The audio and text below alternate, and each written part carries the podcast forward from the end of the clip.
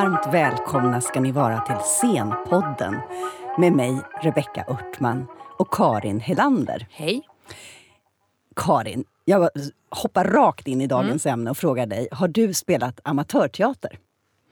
Ja, det har jag gjort. Dels spelade jag teater lite grann i skolan. Det tyckte jag var roligt. Men sen så började jag precis efter skolan på Studentteatern då i, i Stockholm som då var ja, studentteater med amatörer men som sen blev allt mer professionaliserad och blev sen en professionell fri grupp. Men i början var det absolut, amatör. i alla fall jag var amatör. Ja.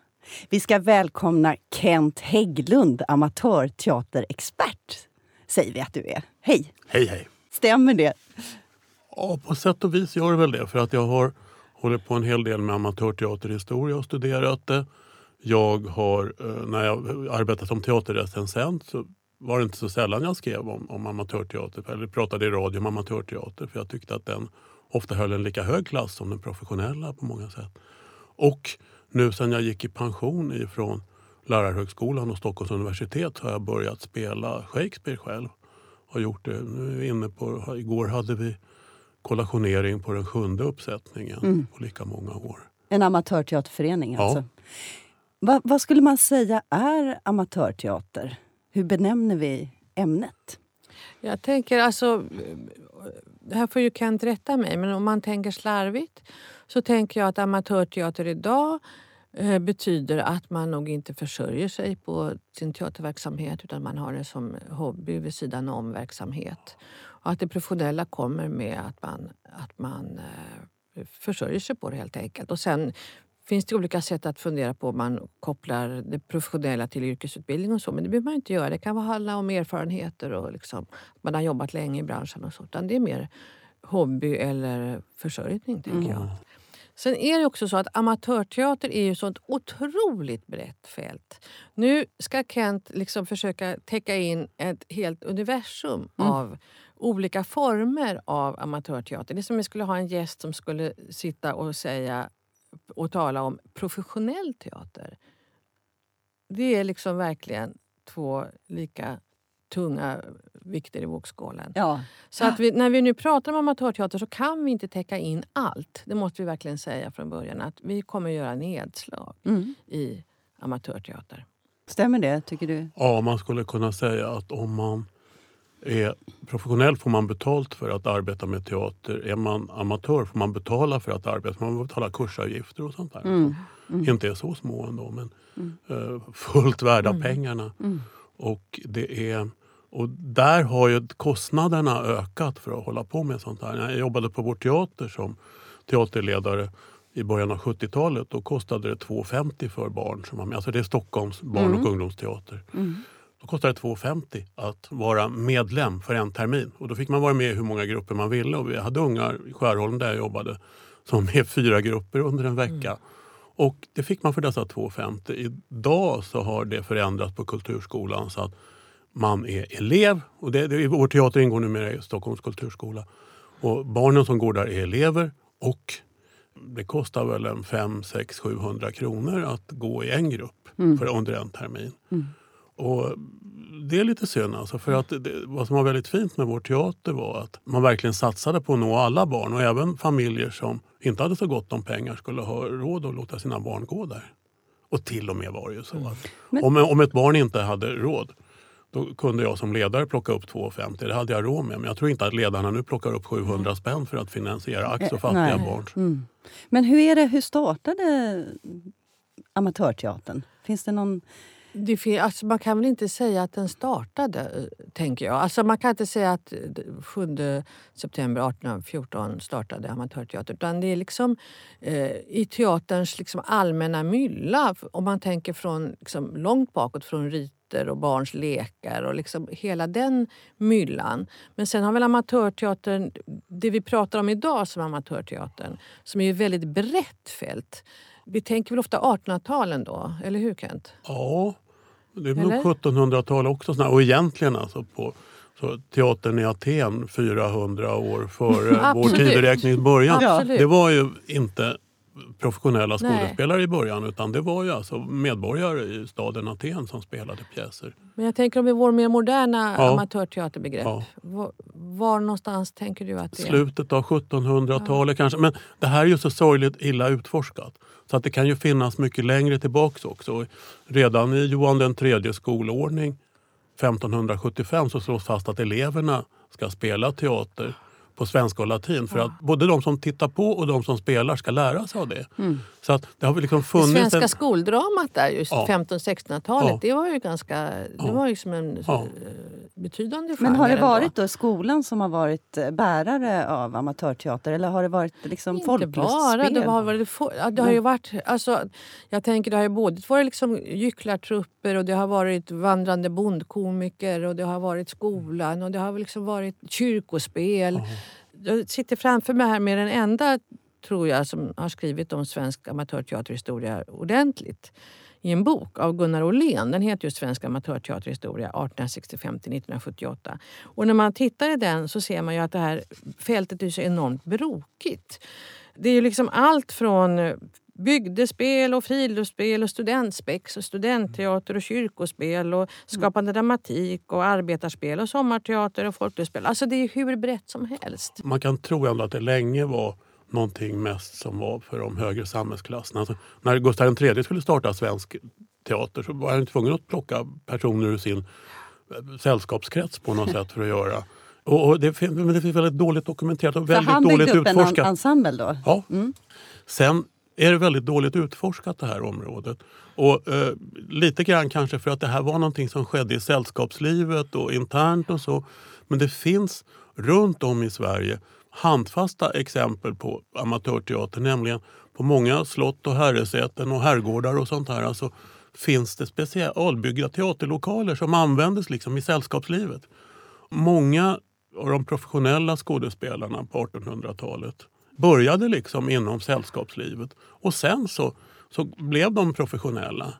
Sen i, i mitten av 1800-talet så startade Arbis i Norrköping som var en arbetarförening som också höll på med teater och så. Men det är sådana här jätteprojekt som jag önskar att någon kunde lägga pengar till och forskare ge sig på. Ja, och sånt där, ja. för att titta på historien. det här. För att det, det är en sån viktig del av vår teaterhistoria som liksom bara ligger i glömska. Jag tänker när man går till de här 1800-talets när sällskapsteatern i högre, liksom, finare bildade eh, penningstinna klasser. Då var det ju också ganska hög status, tänker jag. Att det var liksom nästan finare, alltså amatör handlar ju om att älska teater. Och att det var nästan finare att vara amatör än att vara professionell som var lite skumt och lite inte så hög status precis. Men att spela teater med sin familj och sina bekanta och för välgörande ändamål eller bara för nöjes skull, det var liksom hög status. Men sen tänkte jag på det här med forskningen Kent. Det handlar väl också om att eh, här ligger källmaterialet väldigt spritt.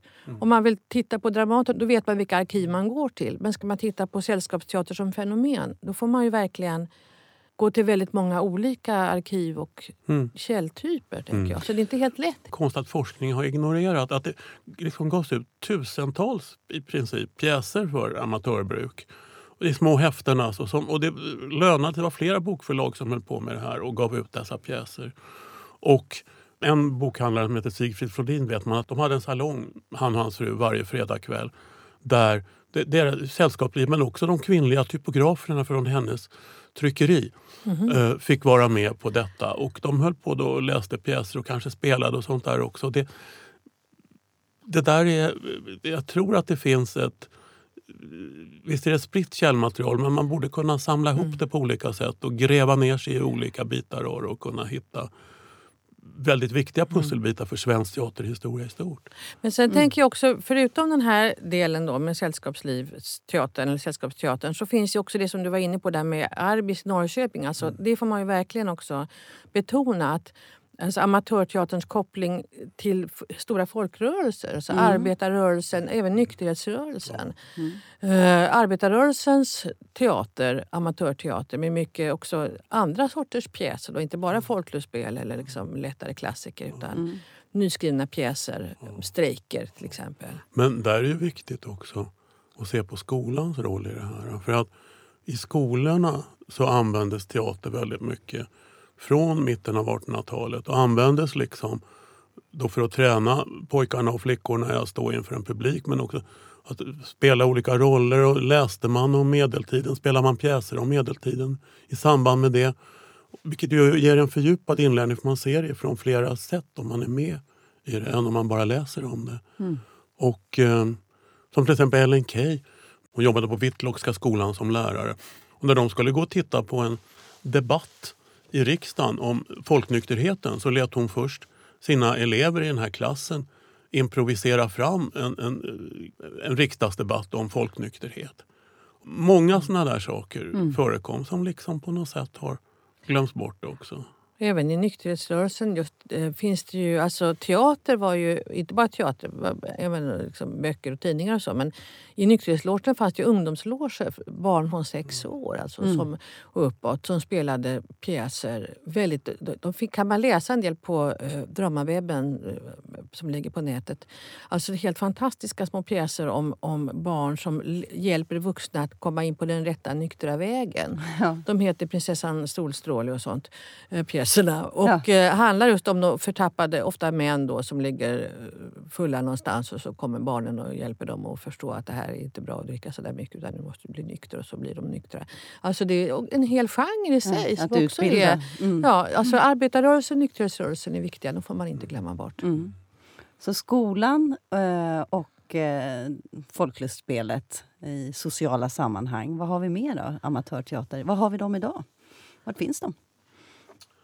Det finns väl eh, i alla möjliga sammanhang fortfarande. Nykterhetsrörelsen, arbetarrörelsen. Mm. mycket liksom också kring uh, man säga, hembygdsrörelsen. Alltså att man, det har ju under de senaste 50 åren gjorts en väldig massa pjäser om hembygden. Både då ute på olika delar av Sverige. Själv var med en liten utkant som regiassistent på något som heter Enskedespelet i den förorten i Stockholm. Och där stod hundra människor på scenen och, kom, och spelade ett stort cirkustält. Eller ett stort tält var, ja, det var nog ett cirkustält. Och en kvinna som var med i detta spel berättade att eh, när, hon, när de hade hållit på och repeterat i, i ett par veckor eller någon månad kanske. Va? Så hade hon samma känsla när hon kom till tunnelbanestationen Sandsborg och klev av tunnelbanan där och gick ut genom spärrarna. Som hon förut hade haft när hon kom hem och låste upp sin dörr. Mm. Mm. Så att det är liksom detta med att vara med och undersöka och gestalta sin hembygdshistoria kan betyda väldigt mycket för en upplevelse av sig själv och sin omgivning överhuvudtaget. Mm. Vad säger du att amatörteatern, för det är ju också ett svar på vad amatörteatern ger de som spelar eller är med i amatörteaterföreningar. Mm. Vad tycker du som själv spelar amatörteater också? Vad ger det, vad ger det människan? Ja, en sak som är fantastisk med amatörteater är att det ofta är ett generationsmöte. Att de flesta sysselsättningar vi gör i Sverige idag det gör man med jämnåriga ungefär. Va? Om man liksom, I föreningsliv och sånt här. Och sånt. I amatörteatern så är det ofta så att det är från sexåringar upp till ganska gråhåriga pensionärer och så som är med och spelar. Att det, det, det är någonting, att man möts över generationerna, gör någonting tillsammans. Mm. Sen tycker jag att det är viktigt också det här med, det här med kunskapen. Ja, dels om eh, sin egen trakt och sin egen historia och sånt. Men också det här med att man som amatörteaterskådespelare får pröva på en massa känslor som man kanske inte håller på med till vardags annars. Man får hata, man får älska, man får bli ruinerad, man får bli eh, miljonär, man, får bli, man, man misstas för en annan person, man brakar samman och på olika sätt. och så. Och att, att det liksom är någonting som man får prova sidor av sig själv som man inte gör annars. Sen finns det en fantastisk gemenskap i amatörteater mellan scen och salong när jag går och ser en amatörteaterföreställning så är det inte alltid, eller ofta så känner jag inte någon av dem som är på scenen. Men un, kanske mer än hälften av publiken i salongen känner någon som är på scenen. Och det ger en väldig laddning mellan scen och salong som jag dras med även om jag inte egentligen hör dit. Mm. Utan jag liksom mm. lockas in i Och det där är någonting som väldigt duktiga skådespelare kan skapa inom professionell teater. Man kan känna liksom att man mm. dras in mm. på scenen och sånt. Men I amatörteatern ligger det som en grundförutsättning. Mm, att man har sätt. identifikationen på Ja, scenen. ja. Men det här jobbar ju även professionella teatrar med att mixa. Att ha både amatörer och professionella. Ja, det är ju också en... eh, Alltså det, så har det sett ut länge också. Många, dels många amatörteatrar som har blivit, eh, som blivit mer halvprofessionella och sen helprofessionella men också som har blandat amatörer och professionella. Jag, är mest, alltså där jag kan kanske? absolut ge Ja. exempel och Kent kan nog ge andra exempel. Jag har skrivit nu en artikel rätt nyligen som handlar om den tidiga barndramatiken på scenen. Och där är det väldigt ofta så att man blandar eh, några professionella skådespelare, vuxna amatörskådespelare och barn. Mm. Eh, och de, de här föreställningarna kan ju eh, vara både på friluftsteatrar, på Skansen till exempel, men också i teaterhus, på liksom vanliga teatrar. Då. Och där kritikerna kommer och skriver och som skriver om både barn, amatörer och professionella, alltid liksom i ett svep. Och där kanske barnen ibland får mest beröm för att de är så glada och ystra och eh, har glimten i ögat och sådär. Ja. Men, men och det var ju liksom helt normalt, vanligt att barn, amatörer, vuxna möttes på scenen. Mm. Jag kommer direkt att tänka på Skånska teatern som var en fri grupp som flyttade från Malmö och slog sig ner i Landskrona. Och fick, fick ett eh, samarbete med amatörer. Och då hade det alltså funnits en väldigt stark amatörteaterrörelse i eh, Landskrona men som hade dött ut på något sätt. Men då fångade Skånska teatern på något vis upp dem och tog med dem i många pjäser. Och det blev faktiskt bättre föreställningar av det. Att man hade den bredden och det blev en annan... Det var också en genera- de var unga allihopa, Skånska teatern. Då fick man folk med en annan ålder på scen och sånt där också. Mm. Och sånt. Och fick en annan förankring i staden genom att Det de måste vara ett, ett bra sätt att få publik också. Ja. Vi kan ju ta ett väldigt aktuellt exempel tänker jag med Folkoperan i Stockholm som har i flera produktioner arbetat med att ha till exempel gamla människor på scen i ett verk, Carmina Burana. De har haft EU-migranter i ett annat. Nu, nyligen i Tolvskillingsoperan som hade premiär här nyligen så eh, har man, har man körer. Alltså det, ja, Mm. de blandar gärna, har Mm. gjort de senaste åren, in amatörer på den professionella scenen. Men Det finns hur, många andra teatrar som gör också. hur berättar vi om eh, eh, de här amatörteatrarna i, idag? Finns, finns det berättat i eh, media eller finns det, eh, ja, skri, skrivs det om det här? Väldigt lite, eller hur? Ja. Det, det har ju, överhuvudtaget har blivit skrivet mycket mindre om teater på de senaste decennierna. Va? Som alla stora sommaruppsättningar som görs, både professionella och amatörer. Det blir nästan bara omskrivna i tidningarna om någon journalist från tidningen har ett sommarställe i närheten eller råkar åka förbi på något sätt. Ja, Nej, men- Ja. Så är det. och resurserna har minskat. Alltså det, förut så fanns det eh, flera teatertidskrifter som tog upp amatörteater med. Det kunde tas upp i radio. Det fanns till och med länge Gunnar Åhlén som skrivit den svensk amatörteaterhistoria hade ju ett eget program i radio om amatörteater som gick någon gång i månaden. Va, vad pratar man om där? Var det intervjuer med... Det var intervjuer och han berättade om saker och han åkte runt och tittade och eh, satt och spelade in lite. Och, och, och, han satt, det har folk berättat, han satt på första bänk och, med en bandspelare och spelade också in lite scener ifrån föreställningarna. Mm. Vilket ibland kunde kännas som störande för en del tittade på honom då i publiken istället. Men, men alltså det var, det var en, en, en, en eh, öppenhet för att amatörteater var någonting viktigt. Mm. Men det har, en- vi pratade lite om det förut också, det här med att det var liksom högstatus att vara amatör i sällskapsteatern på 1800-talet. Men så har det ju inte riktigt blivit. Även om det betyder väldigt mycket för många så finns det idag ett mer liksom, nedvärderande sätt att prata om amatörteater i professionella kretsar. Och det där var ju inte bra, det var liksom amatörmässigt kan man Mm. säga, eller skriva. Eller liksom, ja, det Mm. var ju amatör. Som det inte var förut. Och hur smittar det tror du Kent? Vad får det för Alltså jag betydelse? tror, det- just det där med ordet amatör har ju använts nedvärderande rätt länge enligt ordböckerna och sånt. Men det är lite förfärligt för att amatör betyder egentligen, det kommer från latinskt ord som betyder att älska. Om man, om man håller på med amatörteater så håller man på med teater för att man älskar teater. Och det kan vara mindre bra, det kan vara fantastiskt bra. Alltså jag har sett amatöruppsättningar som är fullt i klass med det bästa jag sett på professionella teatrar. Men jag har också sett naturligtvis dåliga amatöruppsättningar på samma sätt som jag har sett förfärligt dåliga eh, professionella uppsättningar. Men att amatör, liksom det, det, man använder ordet lite föraktfullt till och med ibland. Mm. Det är ju störande naturligtvis. Men då, för... om man ser att det är viktigt för, för individen att spela amatörteater, hade man tidigare också en skarpare blick på att det var viktigt för samhället att amatörteater fanns? Att det fyllde en funktion för människan? Jag tänker just det vi pratade om förut, med arbetarrörelsen och som ett led i, i den, eller nykterhetsrörelsen. Där hade det en direkt samhällsbetydelse till exempel.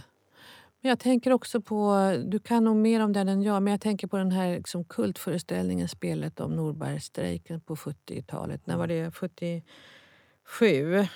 av Sture Karlsson som Arne Andersson satte upp som handlade om den första svenska gruvstrejken. Det blev ju en sån här samhällsmanifestation verkligen. Ja, och som spreds att det blev liknande spel som just tog upp underklassens historia på många orter runt om i Sverige. Alltså, jag tror att beslutsfattare har fått ett mindre intresse för dem. Men det gäller ju inte bara för amatörteater, det gäller för professionell teater. Att man, det är nedskurna anslag runt omkring. Många länsteatrar har mycket, mycket små ensembler idag. Vilket också betyder negativt för amatörteatern för att förut och även fortfarande på några ställen så har ju länsteatrar stött amatörteater på olika sätt. Mm. Och det, men, men nu minskar både kultur överhuvudtaget. Det är liksom någon sorts förakt för kultur nästan. Att man, man, man tycker inte att det är så viktigt i livet och samhället. Och det tycker jag är en väldigt stor missuppfattning. Alltså, idag har matematiken fått en särställning i undervisningen i skolan och som gör att man missar totalt det här med hur vad, vad, vad andra sidor av, av kunskapande och lärande kan betyda. Som till exempel i språkundervisning är det ofta väldigt effektivt att spela pjäser. Och, och där, där, är fanta det är fantastiskt. Det är en, en, en lektor nere i Lund, som, Kiki Lindell, som har kurser, engelskkurser där man, kring Shakespeare. Men där man, som, som då avslutas med att man spelar en Shakespeare-pjäs på engelska. När man pratar med de som har varit med där, hur mycket, vilken djupare insikt de har fått i engelska. Mm. Genom att gå in i de här rollerna, gå in i de här pjäserna, gå in i språket den vägen. Mm. Och det, det är någonting som man skulle kunna använda sig av så mycket mer på alla stadier ja. i skolan. Jag tänker att eh, du skrev ju en avhandling om en väldigt radikal, även idag, skola och pionjär, eh, Ester Boman. Du kan väl, och där liksom just den här dramapedagogiska vad ska jag säga, det var nästan som, som gästen i brödet. Att, att spela teater i mm. alla ämnen mm. på ett sätt som är så radikalt så det skulle nästan vara otänkbart idag i skolan. Men det var på 20-talet. Du kan väl säga någonting om det? För då förstår man vad det är vi har förlorat och vad mm. som ändå har mm. funnits. Ja. Nej, men när man, man spelade pjäser på engelska, och tyska och franska. Men, man, men Ester Boman, vem, vem var hon? Hon var en kvinna som föddes 1879 som utbildades till småskollärare när hon var 16 år. Uh, jobbade i Stockholm ett tag. Men sen 1909 grundade hon en egen flickskola, en internatskola för flickor. Och Svenska flickskolan hade utrymme för pedagogiska experiment. För några manliga forskare hade på 1870-talet funnit att flickor hade problem med teoretiska studier. För att under övergångsåldern, alltså det vi kallar för puberteten idag, så hände det så mycket i flickornas kroppar och hjärnor så att de klarade inte av teori så bra. Så därför fick de åtta år på sig att läsa samma teoretiska kurs som pojkarna skulle läsa på sex år i Jaha. realskolorna. Ja. Och då gav det här utrymme. Och, och, och men liksom när man läste om medeltiden, flickorna, en klass då skrev en, en pjäs, själva en pjäs om livet i ett medeltida munkkloster. Lustigt nog att det var munkar fast de var flickor. Mm. Men, men Eh, man, man skrev pjäser om, om eh, själva om Aten, eh, antiken. Man spelade klassiska pjäser. Man, man improviserade kring olika ämnen och så. Och det var en... Jag menar, det var ett sätt att använda sig av den här kraften som finns i, i teater och dramatik. Att, att få de här flickorna att växa och våga ta ett språng på olika sätt utåt. och så. Men fanns det tidigare drama på schemat i skolan? Ja, det kom som försöksverksamhet på 50-talet. Men det fanns alltså mycket, i olika ämnen använde man de här jag tänker de, de musik eh, fanns ja. ju på schemat, men, ja. men hade, fanns det liksom schemalagt tidigare också? Jag tror att det kan ha att göra med att teater kanske ansågs lite farligt. Pjäser tog ju upp otäcka saker och sånt där. Det var ingenting som barn skulle hålla på med. Sånt. Det är liksom någonting. Men, men det, fanns lite litteratur kanske, ja. svenska ämnet läste man lite ja. Jo, men det fanns små ja. pjäser i läseböckerna. Just det. Ja. Men om man tänker från andra hållet nu. Eh, vi pratade lite om att det fanns mer mediebevakning och så förut. Men det finns ändå en tidskrift för amatörteater som heter Teaterforum. Mm. Och som du skriver i. Om man tittar på de senaste numren för Teaterforum de senaste åren. Vad, är det för, vad skriver man om? Vad är det som är det intressanta idag? Liksom? Vi försöker väl täcka på ett så brett sätt som möjligt. Alltså saker som händer på olika håll i landet. Små saker och stora saker. Eh, lite grann historia och sånt här också. Men eh, det går ju inte att... Men då är det framförallt amatörteaterföreningar som ja. ni tittar på? Ja. Och inte liksom det som sker i skolorna? Eller som sker jo då, det, ja. som, som till exempel när, när det var en lärare på gymnasiet i Mora som eh, gjorde ett forskningsprojekt kring vad som händer under repetitioner. Vad är det som hur, vad är det som eh, gör att man kommer in i en roll? Vad betyder saker som händer i kulisserna? Och sånt där, vad läraren säger och sånt där. Och sånt. Då, då eh, hade vi en intervju med honom. Mm. Och, och, när det kommer litteratur som på något sätt kan vara intressant för mm för eh, folk som håller på med amatörteater. Eller det kommer nya pjäser och sånt där. Och sånt. Men kan man se att eh, över Sverige att det finns någon viss plats där det är mer livaktigt med amatörteater än på någon annan plats i Sverige? Inte så vitt jag vet att man kan se det. Nej, men det, på något sätt, det är ett sånt, det är ett sånt rikt spektrum av olika saker som händer. Va? Och, eh, så att det är, fortfarande är det så att mycket kan hända i avskildhet. Alltså, såna här gymnasielinjer med, med teaterinriktning de producerar ju föreställningar och sånt. Och, och det är ofta bara föräldrar och, och, så som kommer att titta på det. Men, men om man någon gång kan komma in på en sån föreställning så kan det vara helt fantastisk teater som är där. Finns det ett riksförbund för amatörerna?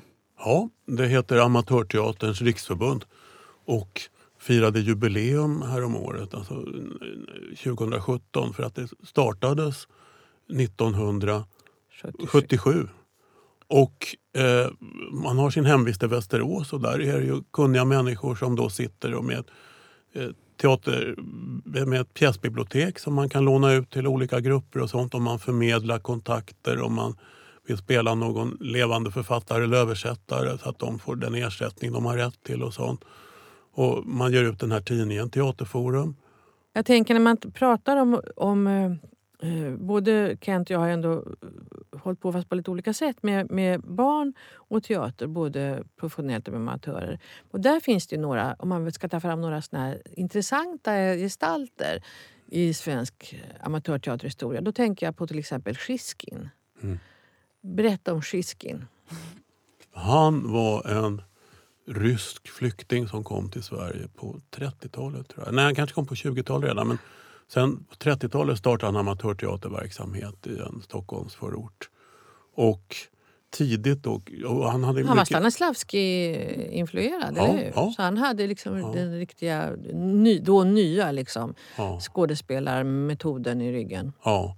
Och han eh, samarbetade mycket med arbetarrörelsen på olika sätt. och så. Och bland de barnen som gick hos honom så var en som hette Inga Tobiasson som sen blev en av de ledande med, med att leda barngrupper och sånt här och så. Som höll på det långt. Och i TVs barndom satt Inga Tobiasson i rutan med sina egna barn ja. och vinkade till alla svenska barn. Ja. Svartvitt.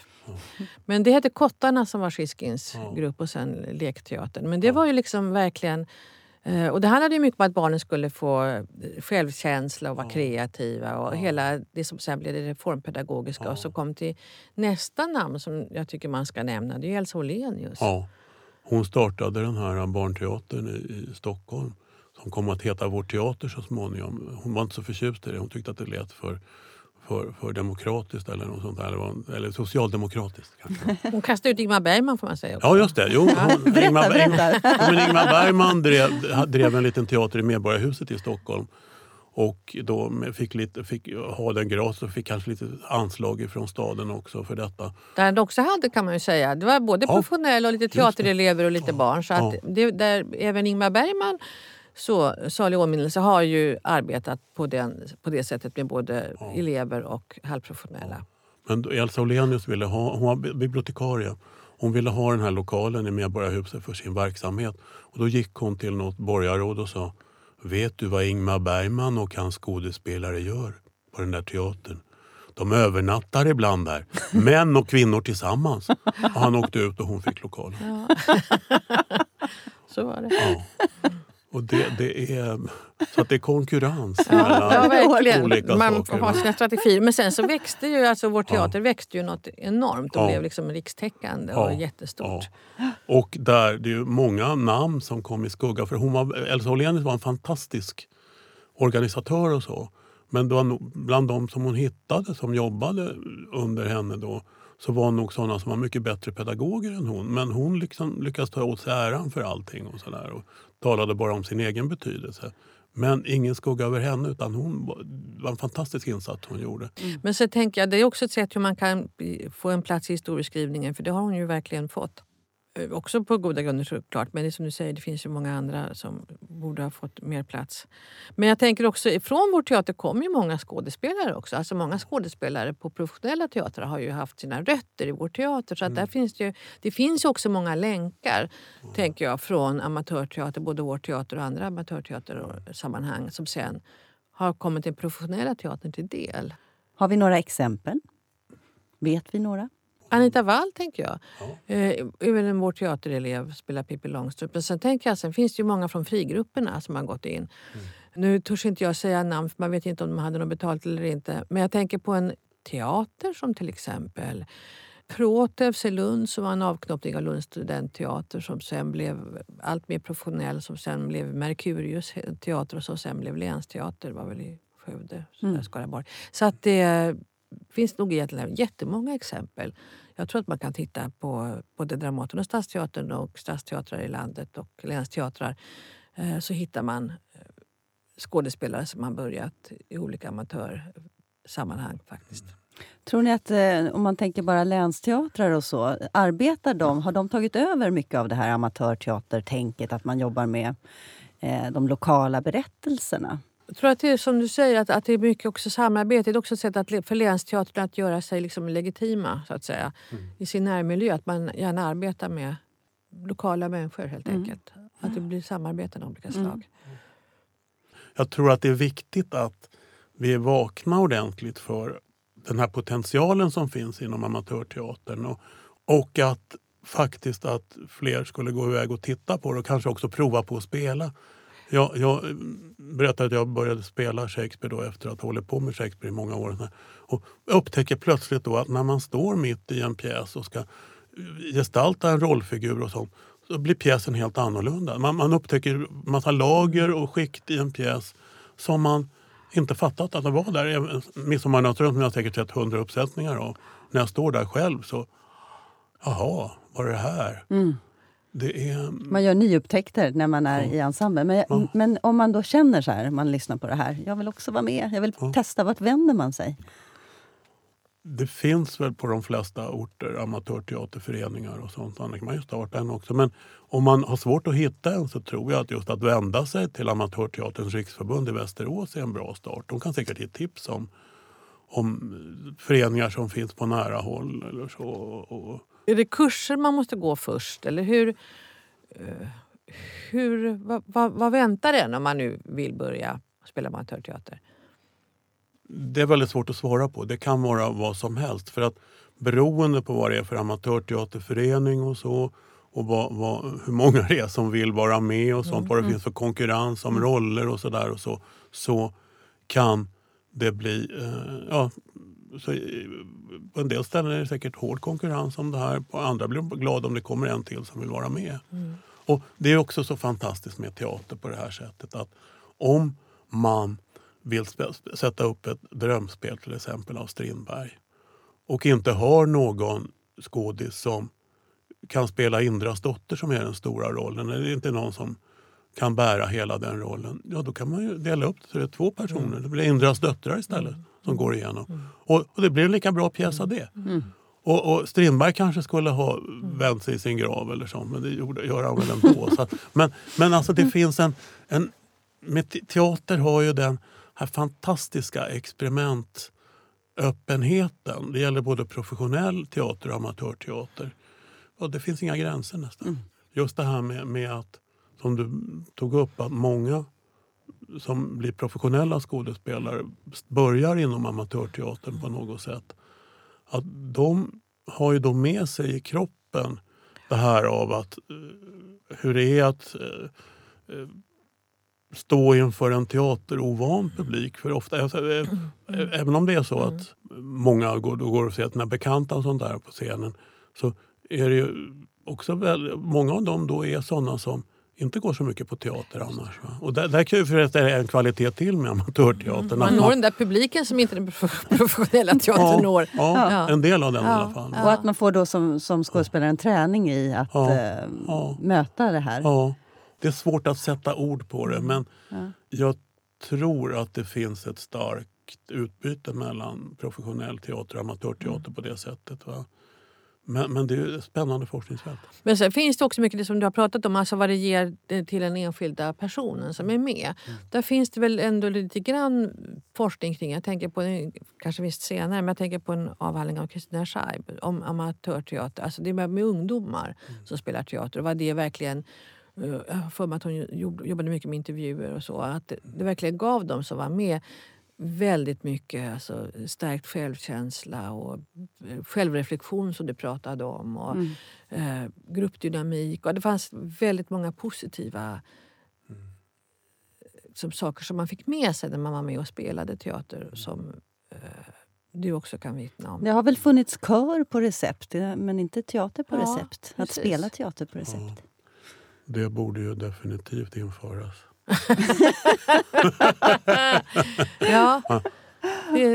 det, det, vi. Europa då, om vi ställer oss eh, lite i ett flygplansläge? Jag tittar lite här på Internationellt i Åhléns mm. bok. Och då så ser jag att det står studentteaterutbyte. Det här är då liksom mm. historiskt för den går ju fram till 1978. Mm. Men, och sen står det nordisk samverkan kan man ju tänka att det mm. finns och Finlands statligt stöd till den spelande amatörteatern. Och sen har vi en världsorganisation och så finns det mm. världsfestivalerna i Monaco. Och lite festivaler i Tjeckoslovakien och tyska och andra kontakter. Så det finns, alltså, detta kan man läsa i Åhléns bok om svensk amatörteaterhistoria. Så det finns ju. En pjäs eller ett eh, sångspel eh, eller vad vi nu ska kalla det för, som jag gärna ändå vill nämna i detta sammanhang, det är värmlänningarna som jag har särskilt hjärta för. Vad vet vi om värmlänningarna, Kent? Och där är ett exempel på hur professionell teater påverkat eh, amatörteater. För att den skrevs av eh, Dahlgren, Dahlgren eh, som då var någon sorts dramaturg på Dramaten året innan han hade översatt Romeo och Julia. Och eh, sen skrev han Värmlänningarna som är en Romeo och Julia-historia egentligen, fast med lyckligt slut. Eh, efter 1846. Mycket, efter mycket förvecklingar. Och den spelade, hade sin premiär på, på Kungliga Teatern ja. i Stockholm. Men sen har den ju blivit en, en eh, sån här sak som amatörer har tagit hand om. Det är alltid proffs inblandade lite grann och sånt. Men det är ändå någonting som har blivit en, lite grann av en svensk nationalpjäs. Ja. Men om man arbetar med amatörteater så är det att älska. Tack Kent Hägglund för att du kom till Scenpodden. Och tack Karin. Tack. Ni möter oss igen om ett par veckor, då med en ny spännande gäst. Missa inte det.